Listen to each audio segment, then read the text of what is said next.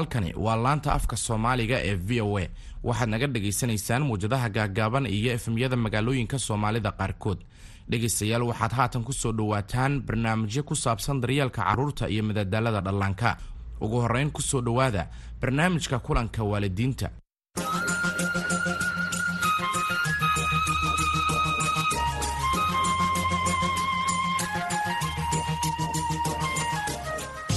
waad salaaman tahay dhegaysti ku sadhowo mar kale barnaamijka kulanka waalidiinta. Barnaamijka toddobaadlaha ah waxaan cagta ku saarnaa oo aan kugu siinaa dhegaysta naseexooyin iyo hababka ugu fudud oo aad waalid ahaan caruurtaada aad u siini karto bilowga ugu wanaagsan ee nolosha. Waxaan ahay daadiyihiinna farxaan cali mukhtaar. Soomaalida ku nool geeska afrika oo dhan waxay inta badan la nool yihiin bulshooyin diimo kala duwan qowmiyado dhaqan asal taariikh iyo habkorinta carruurta iyo aragtida ku aadan isdhexgalka dadka kale. Caruurtu ama waxay jecel yihiin ku dhex noolaanshaha dhaqamaha fara badan ama waxay inta badan dareemayaan deganaan markii ay weynaadaan laakiin waxay muhiim u tahay in la baro oo lagu dhiirageliyo caruurteenna dulqaadashada. Sababta waa waxaan rabnaa caruurteenna inay dareemaan deganaansho iyo furfurnaansho wax ka dhaqamada kala duwan bartaan sidoo kale fikradaha cusub khibradaha iyo xamaasadaha kala duwan ee dhaqamada kale. Dulqaadku wuxuu albaabada u furaa ganacsiga waxbarashada safarka damaashaadka qaabnololeedka farshaxanka iyo waxyaabaha kale ee nolosha. Si looga caawiyo caruurteena inay yeeshaan mustaqbal guul leh waxay u baahan yihiin inay awoodaan inay dadka kale la shaqeeyaan. Waxay u baahan yihiin inaysan ka baqin inay ka baxaan aaga raaxada ayna fahmaan bartaan ixtiraamaan dadka kale. Mararka qaar waxaad arkaysaa cunugaaga oo ku xadgudbayo carruurta kale marka ay wada ciyaarayaan ama u diidaya kuwa kale fursad ay ku ciyaaraan. Waxaad u baahan tahay inaad ka shaqayso sifooyinka dulqaadka ee canugaaga. Caruurtu si dabiica ah uma fahmaan dulqaadka laakiin waxay ku qaadan doonaan casharadada taageerida ah ee ku saabsan guud ahaan mowduucyada ad adag sida cansurnimada takoorka naafanimada iyo waxyaabaha kale oo badan mowduuca maanta ee kulanka waalidiinta waxaan uga hadlaynaa muhiimadda ay leedahay barista carruurta dulqaadashada guriga iyo iskuuladaba meel walba oo markaasi ay ku sugan yihiin. Waxaan la hadli doonaa maxamed saciid wadani oo ah cilmi nafsi yaqaan ku takhasusay arrimaha maskaxda ee carruurta wuxuuna inoo sharaxi doonaa hababka wax ku oolka ah ee loo hago caruurteenna si ay u awoodaan inay ixtiraamaan ulana noolaadaan dadka loo arko inay ka duwan yihiin bulshada. La jaanqaad barnaamijka oo ka bogo khabarada iyo waalidiinta geeska afrika. Waxaad nagala soo xiriiri kartaan oo aad fariimaha watsapka noogu soo diri kartaan nambarka ah plus labo shan afar toddoba saddex labo eber saddex labo toddoba saddex sagaal. Waxaad sidoo kale nagala soo xiriiri kartaan facebook. Ciwaankayagana waxaa weeye kulanka waalidiinta hayloobin waxaa inoo xiga barnaamijkaasi semeshoke sheeko la soco si aad u dhagaysato barnaamij kale oo xiise iyo xamaasad xambaarsan adiga iyo caruurtaadaba maanta barnaamijkaasi semeshoke sheeko waxaa ka mid ah waxyaabaha aad ku maqli doontaan adigaa fikrad inoo hayaa ka waramaadi qof walba markiisa ka ciyaara weyfooga haa dulqaad aan yeelano oo qof walba markiisa ha sugto si uu markiisa u ciyaaro maxaad ka wadaan dulqaad muujinno dulqaadku waa markaaad si fiican u sigto tookadaada. Barnaamij aad u xiisa la dabcan balse intaasi ka hor barnaamijka maanta ee kulanka waalidiinta waxaa marti noogu ah maxamed saciid wadani oo ku takhasusay kabcinta maskaxadeed ee carruurta wuxuuna nala wadaagi doonaa sharaxaad ku saabsan muhiimadda ay leedahay la hadalka carruurta iyo kala hadalka dulqaadka balse ka hor intaanan wax ka weydiinin arrintani aan dhagaysanno sida ay uga falceliyeen waalidiinta bariga afrika. Oo aan wax ka weydiinay caqabadaha ay wajahaan kolka ay carruurta la hadlayaan waana kuwan jawaabahooda. Haa carruurta waxaa waaye mar kasta inay maaragtay ay dabiicadsan ay yeeshaan hooyada way jeceshahay caruurteeda inay dabiicad wanaagsan ay u yeeshaan. Marka waxaa waaye waan waaniyaa mar kasta. Maxamed hooye maxamed inta taagan. Maxamed waa nin weyn aabahood maxamed inta maxamed ah aab maxamed ah hadda aan taaganahay kista caqabadooyin baa jira. Caqabadooyinkaasoo ka mid ah ilmihii oo iskoolka iyo waalidiinta bes u dhexeeya oo dad kale la dhaqmin aan bulsho kale dhexgelin marka waalidkii waxay ku qaadanaysaa muddo inuu ka dhaadhiciyo ilmihii asagoo macnaha agekii cunuga oo sanadkiisa iyo caruurnimadiisa la socdo xaaladiisa ilmaha oo wax la baro oo waa in loo dulqaata. Dulqaad dulqaadka waxaa ka mid ah maadaamaan ilmaha ku baranayn hal maalin ah wax waa in muddo aada la socotid xaaladiisa cunuga social mediaha laga yareeyo geemamka iyo kaatuunka iyo waxyaalahaas laga yareeyo fiirsashadooda oo bulshada la dhexgeliyo lala sheekaysto la fahansiiyo dadka kale si loola dhaqmi lahaa marka saas waay adoon ku qaylinayn ilmaha qayli waxba kuma bartaan. Kusoo dhawo kulanka waalidiinta mister maxamed sacuud wadani dabcan. Waad maqashay waxyaabaha ay waalidiinta soo jeediyeen. Maxaad ka dhihi lahayd fikradahooga horta lamber one waxyaaba badan uga horseedi karta inaad in badan samayso ficilo wan wanaagsan. Waa mida kale waa inaad bartid yani qaababka waxyaabaha aad rabti ilmuhu inuu dulqaato ilaan hal mar ilmaha kuma wada shubi kartid oo ma ahan yani combyuter ma ahan balse waxyaaba step by step. Waxaad ka bilaabaysaa yacni ilmaha midda ugu fiican oo maaragtay aad la rabo inaad bartid dulqaad ahaan waa inuu bulshada suu la noolaan lahaa iyo ficilada qaar inuu u dulqaato.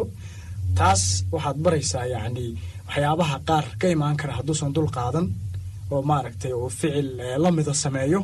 Taasi yacni waxay ku dhiirigelinaysaa inuu u dulqaato oo maaragtay horey uga socdo wixii aad u sheegtay inuu u dulqaato yacni qaabo badan ayaad ugu sheegi kartaa ama uga dhaadhicin kartaa dulqaadku inuu muhiim yahay.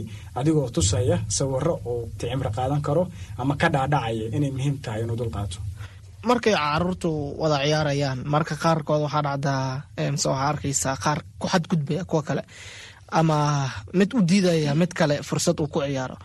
Maxaa sababa ayaad isdhii karaatadaasi miseba sideen baan u daaweyn karnaa ciyaalku inay isku xadgudbaan waa iska yara fudud tahay oo ciyaalku yacni waxyaabo badanoo waxaa jira iyaga agtooda ka yara culus markaad fiirisina laakiin aan wax jira ahayn because waa ciyaal. Balse waxaad taas yacni aada uga tirtiri kartaa ama isku dayi kartaa inaad isbeddel ku samaysid in yacni aada bartid sidoo asagu waxu rabo ina kana waxu rabo. Sidaan uu doonayo inuu maaragtay waxu sameeyo oo maaragtay kan u diidaya kana inuu rabo inuu waxu sameeyo. Marka waxaad baraysaa qaacido ah in maaragtay ilmahani naftiisa wax walba uu rabo kana uu rabo. Waxa weeye marka inuu naftiisa ka matalo naf walba oo ciyaalkan yararkaa inuu tiisa ka matalo ayaad baraysaa. Yacni waxaa gelaya in maaragtay uu ficiladiisi bedelo oo u ogolaado waxyaabaha qaar inuusan maaragtay ku kicin una ogolaado ciyaalku in la ciyaaran waa tahay xeelado nooce ah ayaa la gudboon markaasi waalidiinta inay isticmaalaan kolka ay barayaan caruurtooda kala duwanaanshaha ay dadka markaas qabi karaan sida kala duwanaanshaha dhaqamada kala duwanaanshaha diimada midda keliya oo aad baraysid waxa weeye horta inuu bili-aadanka iskusi u ixtiraamo oo bili-aadanku tasem isku mid yahay uusan kala duwaneyn ixtiraamkaa baraysaa. Because diinteena islaamka ayaana faraysa inaan qof walbo oo maarata gaal iyo muslim aan iskusi u ixtiraamno waa midda koowaad ixtiraamka bili-aadanka inaad bartid waa ilmaha. Waa midda labaad yacni diinta ilmahana kula dadaashi waaye diinta markaad kula dadaashid yacni waxyaabo badan ayay ka dhisaysaa ixtiraam bay ka dhisaysaa ficilada waxyaabo badan ayay ka dhisaysaa oo maskixiin soomaalida dhexdeeda waxaa jira erayo si caadi ah loogu adeegsado in lagu muujiyo liidnimo iyo xiriir dabcan la leh kooxo gaar ah sida biratumayaasha sida kaluumaystayaasha iyo wixii la mid ah. Sidey markaasi carruurta ay u saameyn kartaa arrimahaasi. Maxay tahay inay waalidku sameeyaan si loo hubiyo inay taasi ay dhicin way jirtaa soomaalida yani waxyaabo badan midabta koor iyo maaragtay waxyaabo aan aada u qurux badnayn. Bili-aadanku waa isku wada mid waaye. Waxa weeye qabriga markaad geshid qof walbo bili-aadana wuxuu la gelayaa kafan cad buu la gelayaa. Yacni qof la gelaya yani mid bir la gelaya mid million dollars la gelaya ma jiro lacag la gelaya mid walba kafan unbuu la gelayaa qabriga. Marka bili-aadanku waa isku wada mid waaye inaad ku dhaqantid qaabab maaragtay dad aad fogeynaysid ama aad ku takooraysid inay maarata dad xun yihiin waxaa xumaa lagu tilmaami karaa qofkii maaragtay aan bili-aadantinimo garanayn diintiina maaragtay aan ku fiicnayn yani qofkii waxyaabo oo maaragtay bili-aadanka dhibaato u geysanaya ku xun ayaa xumaan lagu sheegi karaa balse qof shaqo u qabanaya inaad ku xumaysid ama magac ku xumaysid looma baahna. Ciyaalkan waxay ku saameyn kartaa in yacni ay u arkaan inay dadku kala sareeyaan ama dadku kala gedisan yihiin haddee waxyaabo noocaasa in badan ku soo noqnoqdaan taasi ciyaalka ugu daran tahay. Marka waxaa loo baahan yahay inaad bartid ciyaalku inaysa bili-aadanku kala sareyn isku midna ay yihiin iskusina u ixtiraamo. Haddii waxyaabaha noocaasa ay maskaxda ka gasho ciyaalka ay ku koraan. Waxaa laga yaabaa inuu midna cuqdad ku jirto mid yani waxyaaba badan oo kha- khaladaad ah inuu maarata iska dhadhacshaa laga yaaba ilmaha. Waa tahay talada ugu dambeysa aad siinaysa waalidiin? Eh, talada ugu dambeyso oo aan siinayo waalidiinta waxa weeye ilmahooda inay mar walba kula dadaalaan in ay u dulqaataan yacni ficilada ay qaar sameynayaan baraanna waxyaabaha qaar in maaragta loo dulqaato inay wanaagsan tahay. Eh, dulqaadkana ilmaha wuxuu ku baran karaa inaad tustid sawir ama wax uu aamini karo in ay muhiim tahay inuu ilmihii dulqaato mar walbana kula dadaashid inuu ilmuhu wax kaa barto oo adiga maaragtay ficilo qurux badan ka arko. Waa tahay haatana dhankaasi iyo su'aalaha miseba falcelinta dhegeystayaasha. Dhegeystaan wuxuu leeyahay guriga marka aan joogno caruurtaydu waan baraa xushmada iyo dulqaadka inay yeeshaan markaasi. Laakiin dibadda markaan u baxno way isbedelaan oo ma sameeyaan kuma dhaqmaan wixii aan soo baray. Maxaa sababay taasi? Maxaana ila gudboon inaan sameeyo si aan dulqaadkooda oga dhigo mid joogto ah. Waxaa sababi kara ilmahaaga yacni xusmadda aad baraysid qaabka u baraysid ayaa laga yaabaa inaysan ahayn qaab munaasaba waxaa laga yaabaa si xanaaqsan inaad wax ugu sheegaysid si deganaan inaada wax uga dhaadhicin meesha wax ka tusisid meel maskaxdooda ka weyn inay tahay. Ilmaha waa inaad taqaanid waxa maskaxdiisu qaadan karta iyo waxaysan qaadan karin. Haddii yacni wax qof weyn loogu talagalay aad isku dayda inaad u sheegto ilmaha ma qaadan karayo waa si basiid ah oo maaragtay jilicsan inaa wax tusti waayo ilmaha. Haddaad doonaysa waxaad guriga ku soo barto oo banaanka ficil ahaan ugu sameeyo inta badan waa inaad ku dadaashid ilmaha haddaad doonayso inuu fahmo waxa aad u sheegaysid. Iyo aad doonaysa inuu ficil ahaan uu ku sameeyo banaanka markaad maaragtay uu u baxo ama isku raacdaan waa inaad tustid yar uu ku aamini karo ficil ahaan buu u sameyn wixii markuu banaanka u baxo. Waa tahay ee, inta badan waxaa dhacdaa caruurtu inay iyaga dulqaad muujin xilliga ay wada ciyaarayaan. Maxaa ee, keenaa inay isku dulqaadan? Waxaa keeni kara xagga waalidka uusa barin in maaragtay ilmaha maaragtay asaga la mid inuu ixtiraamo uu rabo cayaarta una asna uu rabo. Waxyaaba badan buusan ka soo dhisayn waalidkii oo laga yaabaa inuusan wax weyn uusan asaga agtiisa ka ahayn. Waa inaad ilmaha barti ilmaha ula cayaaray inuu qadariyo siduu asaga cayaarta u rabo inuu kana u rabo inuu u ogolaado inuu la cayaaro inuusan ku xanaaqin inuusan ficilo khaldan asna sameyn oo iska aamuso. Yacni ilmihii markuu mid training qabo oo maaragtay maskixiin loo- la soo dhiso. Kan kale waxaa laga yaabaa inuu wax ka yara maaragtay fahmo oo maalin markuu khalad ku sameeya maalin labaad ku sameeya kan uusan wax ficila ku sameyn. Waa tahay ee, maxaa nala gudboon inaan sameyno si ee, dugsiyada ay uga- ee, uga dhicin markaasi midabta koor ama diinta koor dugsiyada sifa ay uga dhicin maxaa nala gudboon oo aan sameyn karnaa? Eh, waxaad samayn kartaa inaad yacni ilmaha bartaan qaabka maaragtay eh, u wada shaqeeyaan ilmaha waxaa jira signal ay ku shaqeeyaan ayaga dhexdooda maskax ahaan. Waxaad awood u yeelanaysaa ilmaha kala takoor iyo maaragtay isfogeyn inaysan dhexdooda imaan. Kaasi waxa weeye inaad bartid yacni ajendaha ama ujeedka ay halkan u wada joogaan iyo sababta ay isugu yimaadeen. Si wanaagsan dhegaysta waa naga intaasi. Inaga maanta waad ku mahadsantahay la jaanqaadkaaga dhegaysta iyo su'aalahaagaba intaanan hawada ka bixin. Waa tan eedo ebyan iyo ixtiraamku waa silsilad dahab ah oo isku xidha dadka. Dadku waxa ay ku wada xidhiidhsan yihiin ixtiraam iyo wada noolaansho. Haddii qof ka mid ah dadka la takooro iyada oo loo sababaynaya aragga asalka ama diinta waxaa go'aya mid ka mid ah silsiladda bulshada. Waxaanay ku wanaagsan tahay in la isu muujiyo ixtiraam. Carruurta yaryarna la baro muhiimadda ay leedahay isu dulqaadashada iyo ixtiraamku toddobaadka soo socda waxaan ku soo qaadan doonaa mawduuc kale oo xiise leh kulanka waalidiinta.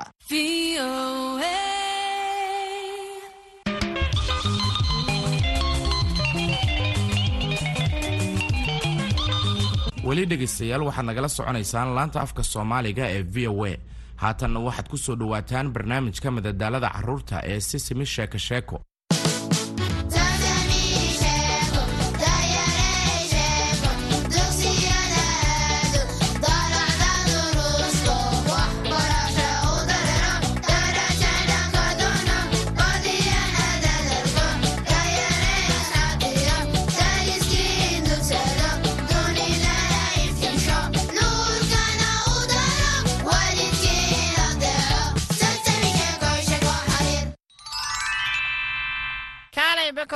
beko xaragga ii keenaan ku xire.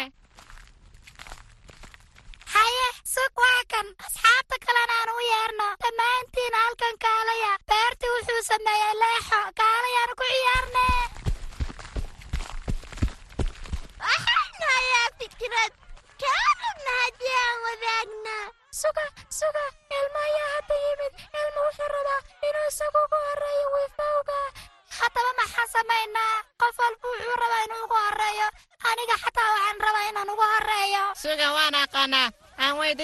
asxaabteena sida ay wax u wadaagaan. Waa fikrad wanaagsan beer. Haddaba asxaabay sideeba saaxiibadiin wax ula wadaagtiin.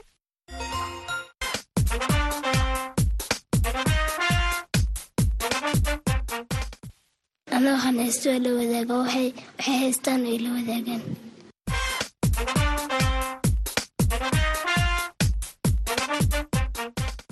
Aniguna waxaan la wadaagaa markay markaan la wadaago aniguna waxaan ka siiyaa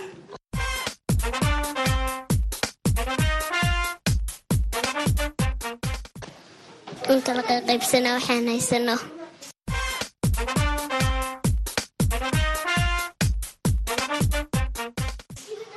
Saxmiin baan ii kura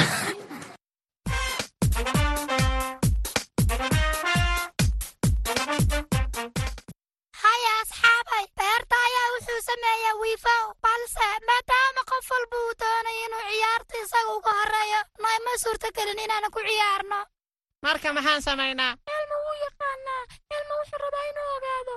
Adigaa fikrad inoo hayaa ka waramaadi qof walba markiisa ka ciyaara wiifowga haa dulqaad aan yeelano oo qof walba markiisa ha sugto si uu markiisa u ciyaaro. Maxaad ka wadaa aan dulqaad muujinno?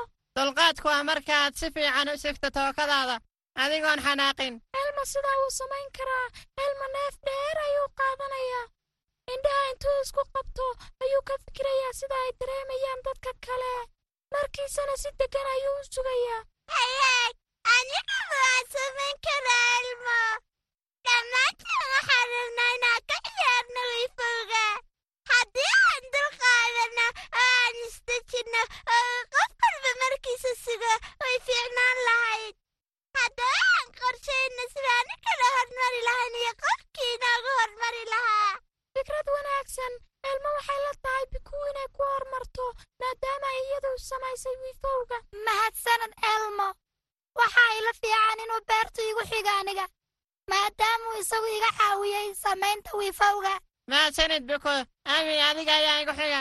Kadibna ilmo biko anigaa kugu raxayey kaalay. Hahey adiga ayaa igu xiga beert inta aanan tookadeeda qaadan su'aal ayaan hoyaa erni erni erniow ma qof baa ii yeedhay oo wiifow waan rabaa inaa ciyaaro. Waa inaad dulqaad yeelataa erni qof walba markiisa ayuu ciyaarayaa. Hadda waxaa ku xiga beert kadibna abi kadibna elmo. Elmona waxaa ku xigi doona erni waa mahadsanid elmo.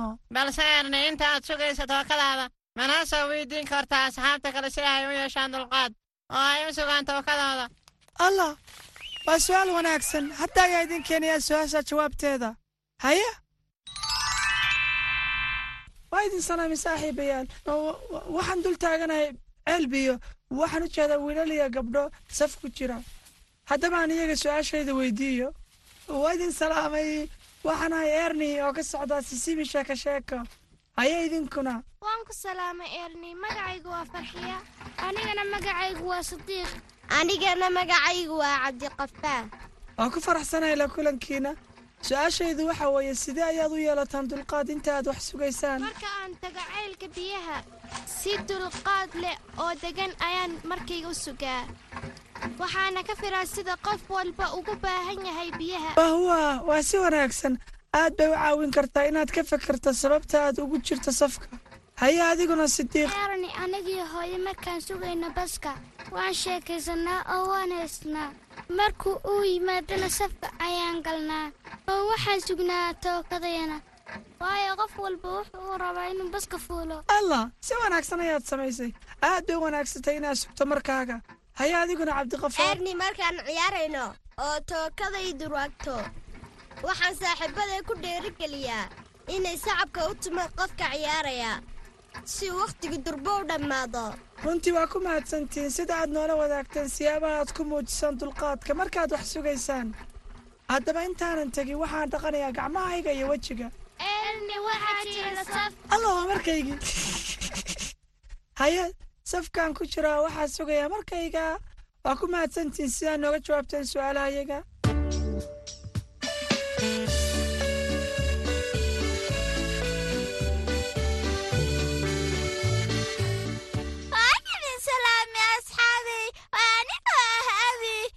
iyo barnaamijkeenni xarfaha ee sida sheeko sheeko xarafkeenna maanta waaye waxaana loogu dhawaaqaya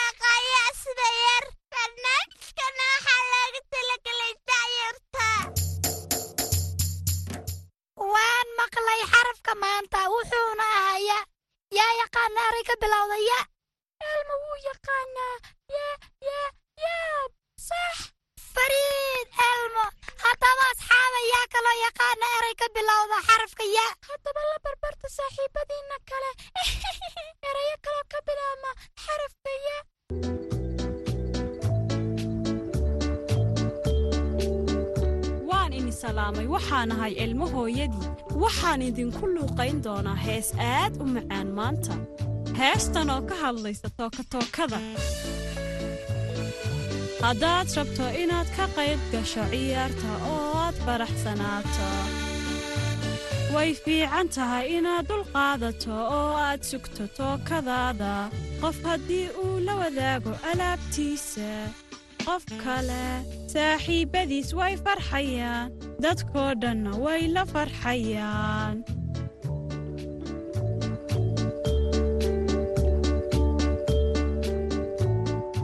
Waan idin salaamay asxaabay. Ku soo dhowaada ciyaartii beert maanta waxaan idiin wadaa ciyaar aad u fiican. Waa ciyaar sheeko sheeko ah. Sheeko ayaana idinkaga sheekaynayaa idinkuna waad iga daba dhahaysaan diyaar ma tihiin. Aan bilowno. Hadda ka hor hadda ka hor laan korkeeda laan korkeeda waxaa saarnayd shimbir. Waxaa saarnayd shimbir. Hees ayay qaadaysay. Hees ayay qaadaysay. Dadkao dhanna way maqlayeen. Dadkao dhanna way maqlayeen. Orod ayaa ku imaan jidha geedka ay saarneed. Orod ayay ku imaan jirtay geedkay saarneed. Bisad ayaa timid. Bisad ayaa timid waxayna rabtay inay sidaas oo kale noqoto. Waxayna rabtay inay sidaasoo kale noqoto. Shimbir. Shimbir. Si macaan u haysto. Si macaan u haysto. Una duusho. Una duusho. Balse marka ay duushay. Balse marka ay duushay. Shimbirtii way cabsatay.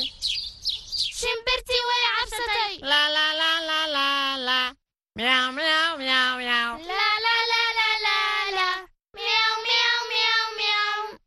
ay shimbira iyo bisada wanaagsan ayaa tiin haddaba hadda aan dhegaysana tirada maanta iyo abi.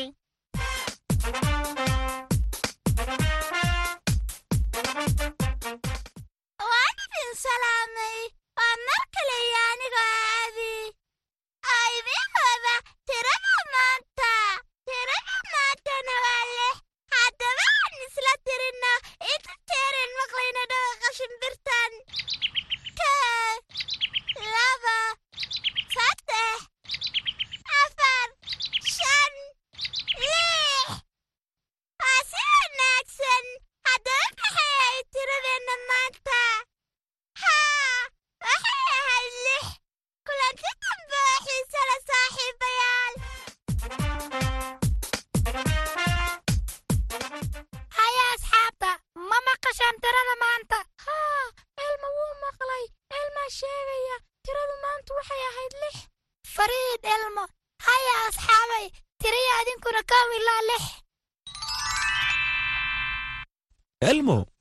waan u jeedaa caawa dhaqso ayaad seexatay maxaa jira?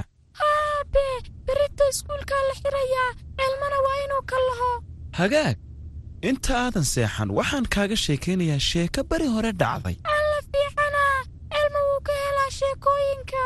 Beri ayaa laba shimbirood iyo dhashoodu waxay ku noolaayeen geed aad u weyn oo ku yaalla kaynta. Sidoo kale waxaa dhinacooda ku noolaa mas aad u weyn wuxuu arkay markuu iskoolka u socday laba dooro oo yaryar hooyadood ayaana la socotay. Haa digaaggu waxay ka mid yihiin dabjoogta waxayna la nool yihiin dadka. Balse shimbiraha qaarkood waa duurjoog oo waxay ku nool yihiin duurka. Waxayna carruurtooda ku qariyaan meel aysan dadku ka arkayn sida dhirta waaweyn oo kale hooyada oo ilaalinaysa dhasheeda ayaa waxay aragtay mas aad u weyn oo ku hoos jira geedka. Kadib maxaa dhacay? Markii uu aabbihii ka soo laabtay qaraabsigii oo uu carruurtiisii cuntadii u keenay ayay hooyadii la wadaagtay wixii ay maanta aragtay. Maxay sameeyeen aabe? Maxaad kula talin lahayd inay sameeyaan elmo? Elmo wuxuu dhihi lahaa inay carruurtooda u ilaaliyaan tooko tooko haa waa fikrad wanaagsan elmo saaxiibadiis maanta waxay barteen inuu qof walba markiisa sugo. Waxaannuna sidaa u samaynay qof walba wuxuu doonayay inuu markiisa ku ciyaaro wifowga fariid wiilkayga elmo in wax la wada qaybsado oo waxa la samaynayo la wadaago aad ayay u fiican tahay. Sida ciyaarta wiifowga aad u qaybsateen oo kale. Waad aragtay elmow aniga iyo hooyadaaba waxa aannu qaybsannaa shaqada guriga.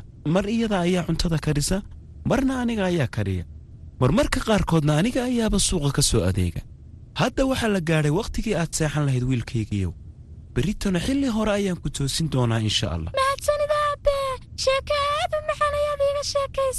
Haa elmow shimbirihii sidee bay sameeyeen? Mid walbaba markiisuu ilaaliyey carruurtooda haa elmow sidaas ayay sameeyeen. Oo mas'uuliyaddii ayay wada qaybsadeen sidaas ayayna carruurtoodii ku badbaadiyeen. Hurdo caafimaadle ayaan kuu rajayn wiilkaygiiyow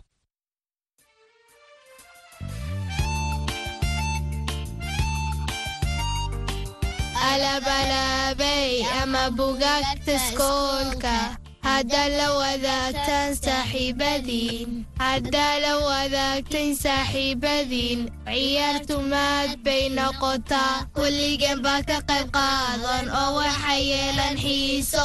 Markaan saaxiibadeen la ciyaarayno waan ku tokotokoysanaa si kulligan baan u helno wakhti aan ku ciyaarno wax walbana waa wadaagnaa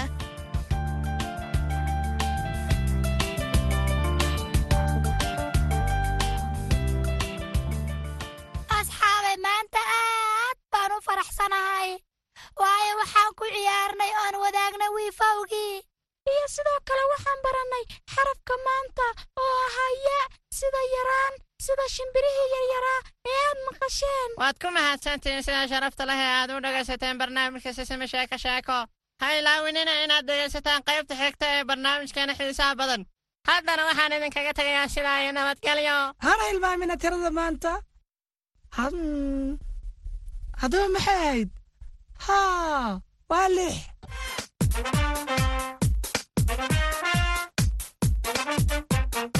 naseexada maanta. Waalidka qaaliga ah carruurtu waxay jecel yihiin inay isla ciyaaraan balse mararka qaarkood waxay aad ugu murmaan. Ayaa hormari iyo ayay tookadiisi tahay. U sheeg carruurtaada inay tookatookadu ay aad u fiican tahay oo ay xaqiijini inuu qofku mar waliba ka qayb qaato ciyaarta. Goobaha lagu ciyaaro sida garoommada ciyaarta. Waalidiinta waxay tusin kartaa carruurta sida tookatookada loogu ciyaaro inay u sheegaan in qof waliba fursad helayo oo uu kaga qayb qaato ciyaartan. Tookatooko isugu daya inaad xaafadaha ku samaysaan tusaale ahaan buugta tookatooko u akhriya oo u kala xusha ama wax qoys ahaan la samayn karo. Habkan carruurta ayaa waxay ku baranayaan sida tookatooko wax loogu qabsado.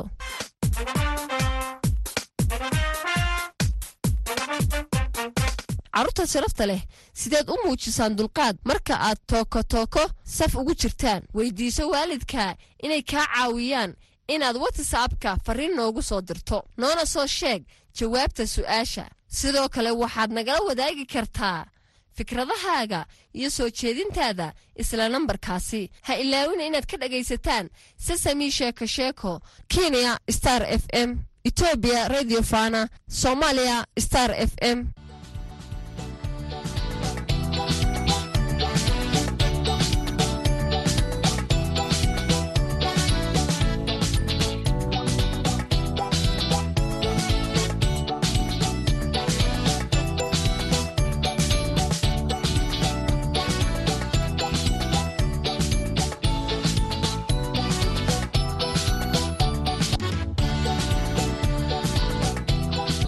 intaasina dhegaystayaal waxaa ku dhan barnaamijyadii kulanka waalidiinta iyo si sami sheeko sheeko. Halka barnaamijyadaasi aad kala socoteenna waa laanta afka soomaaliga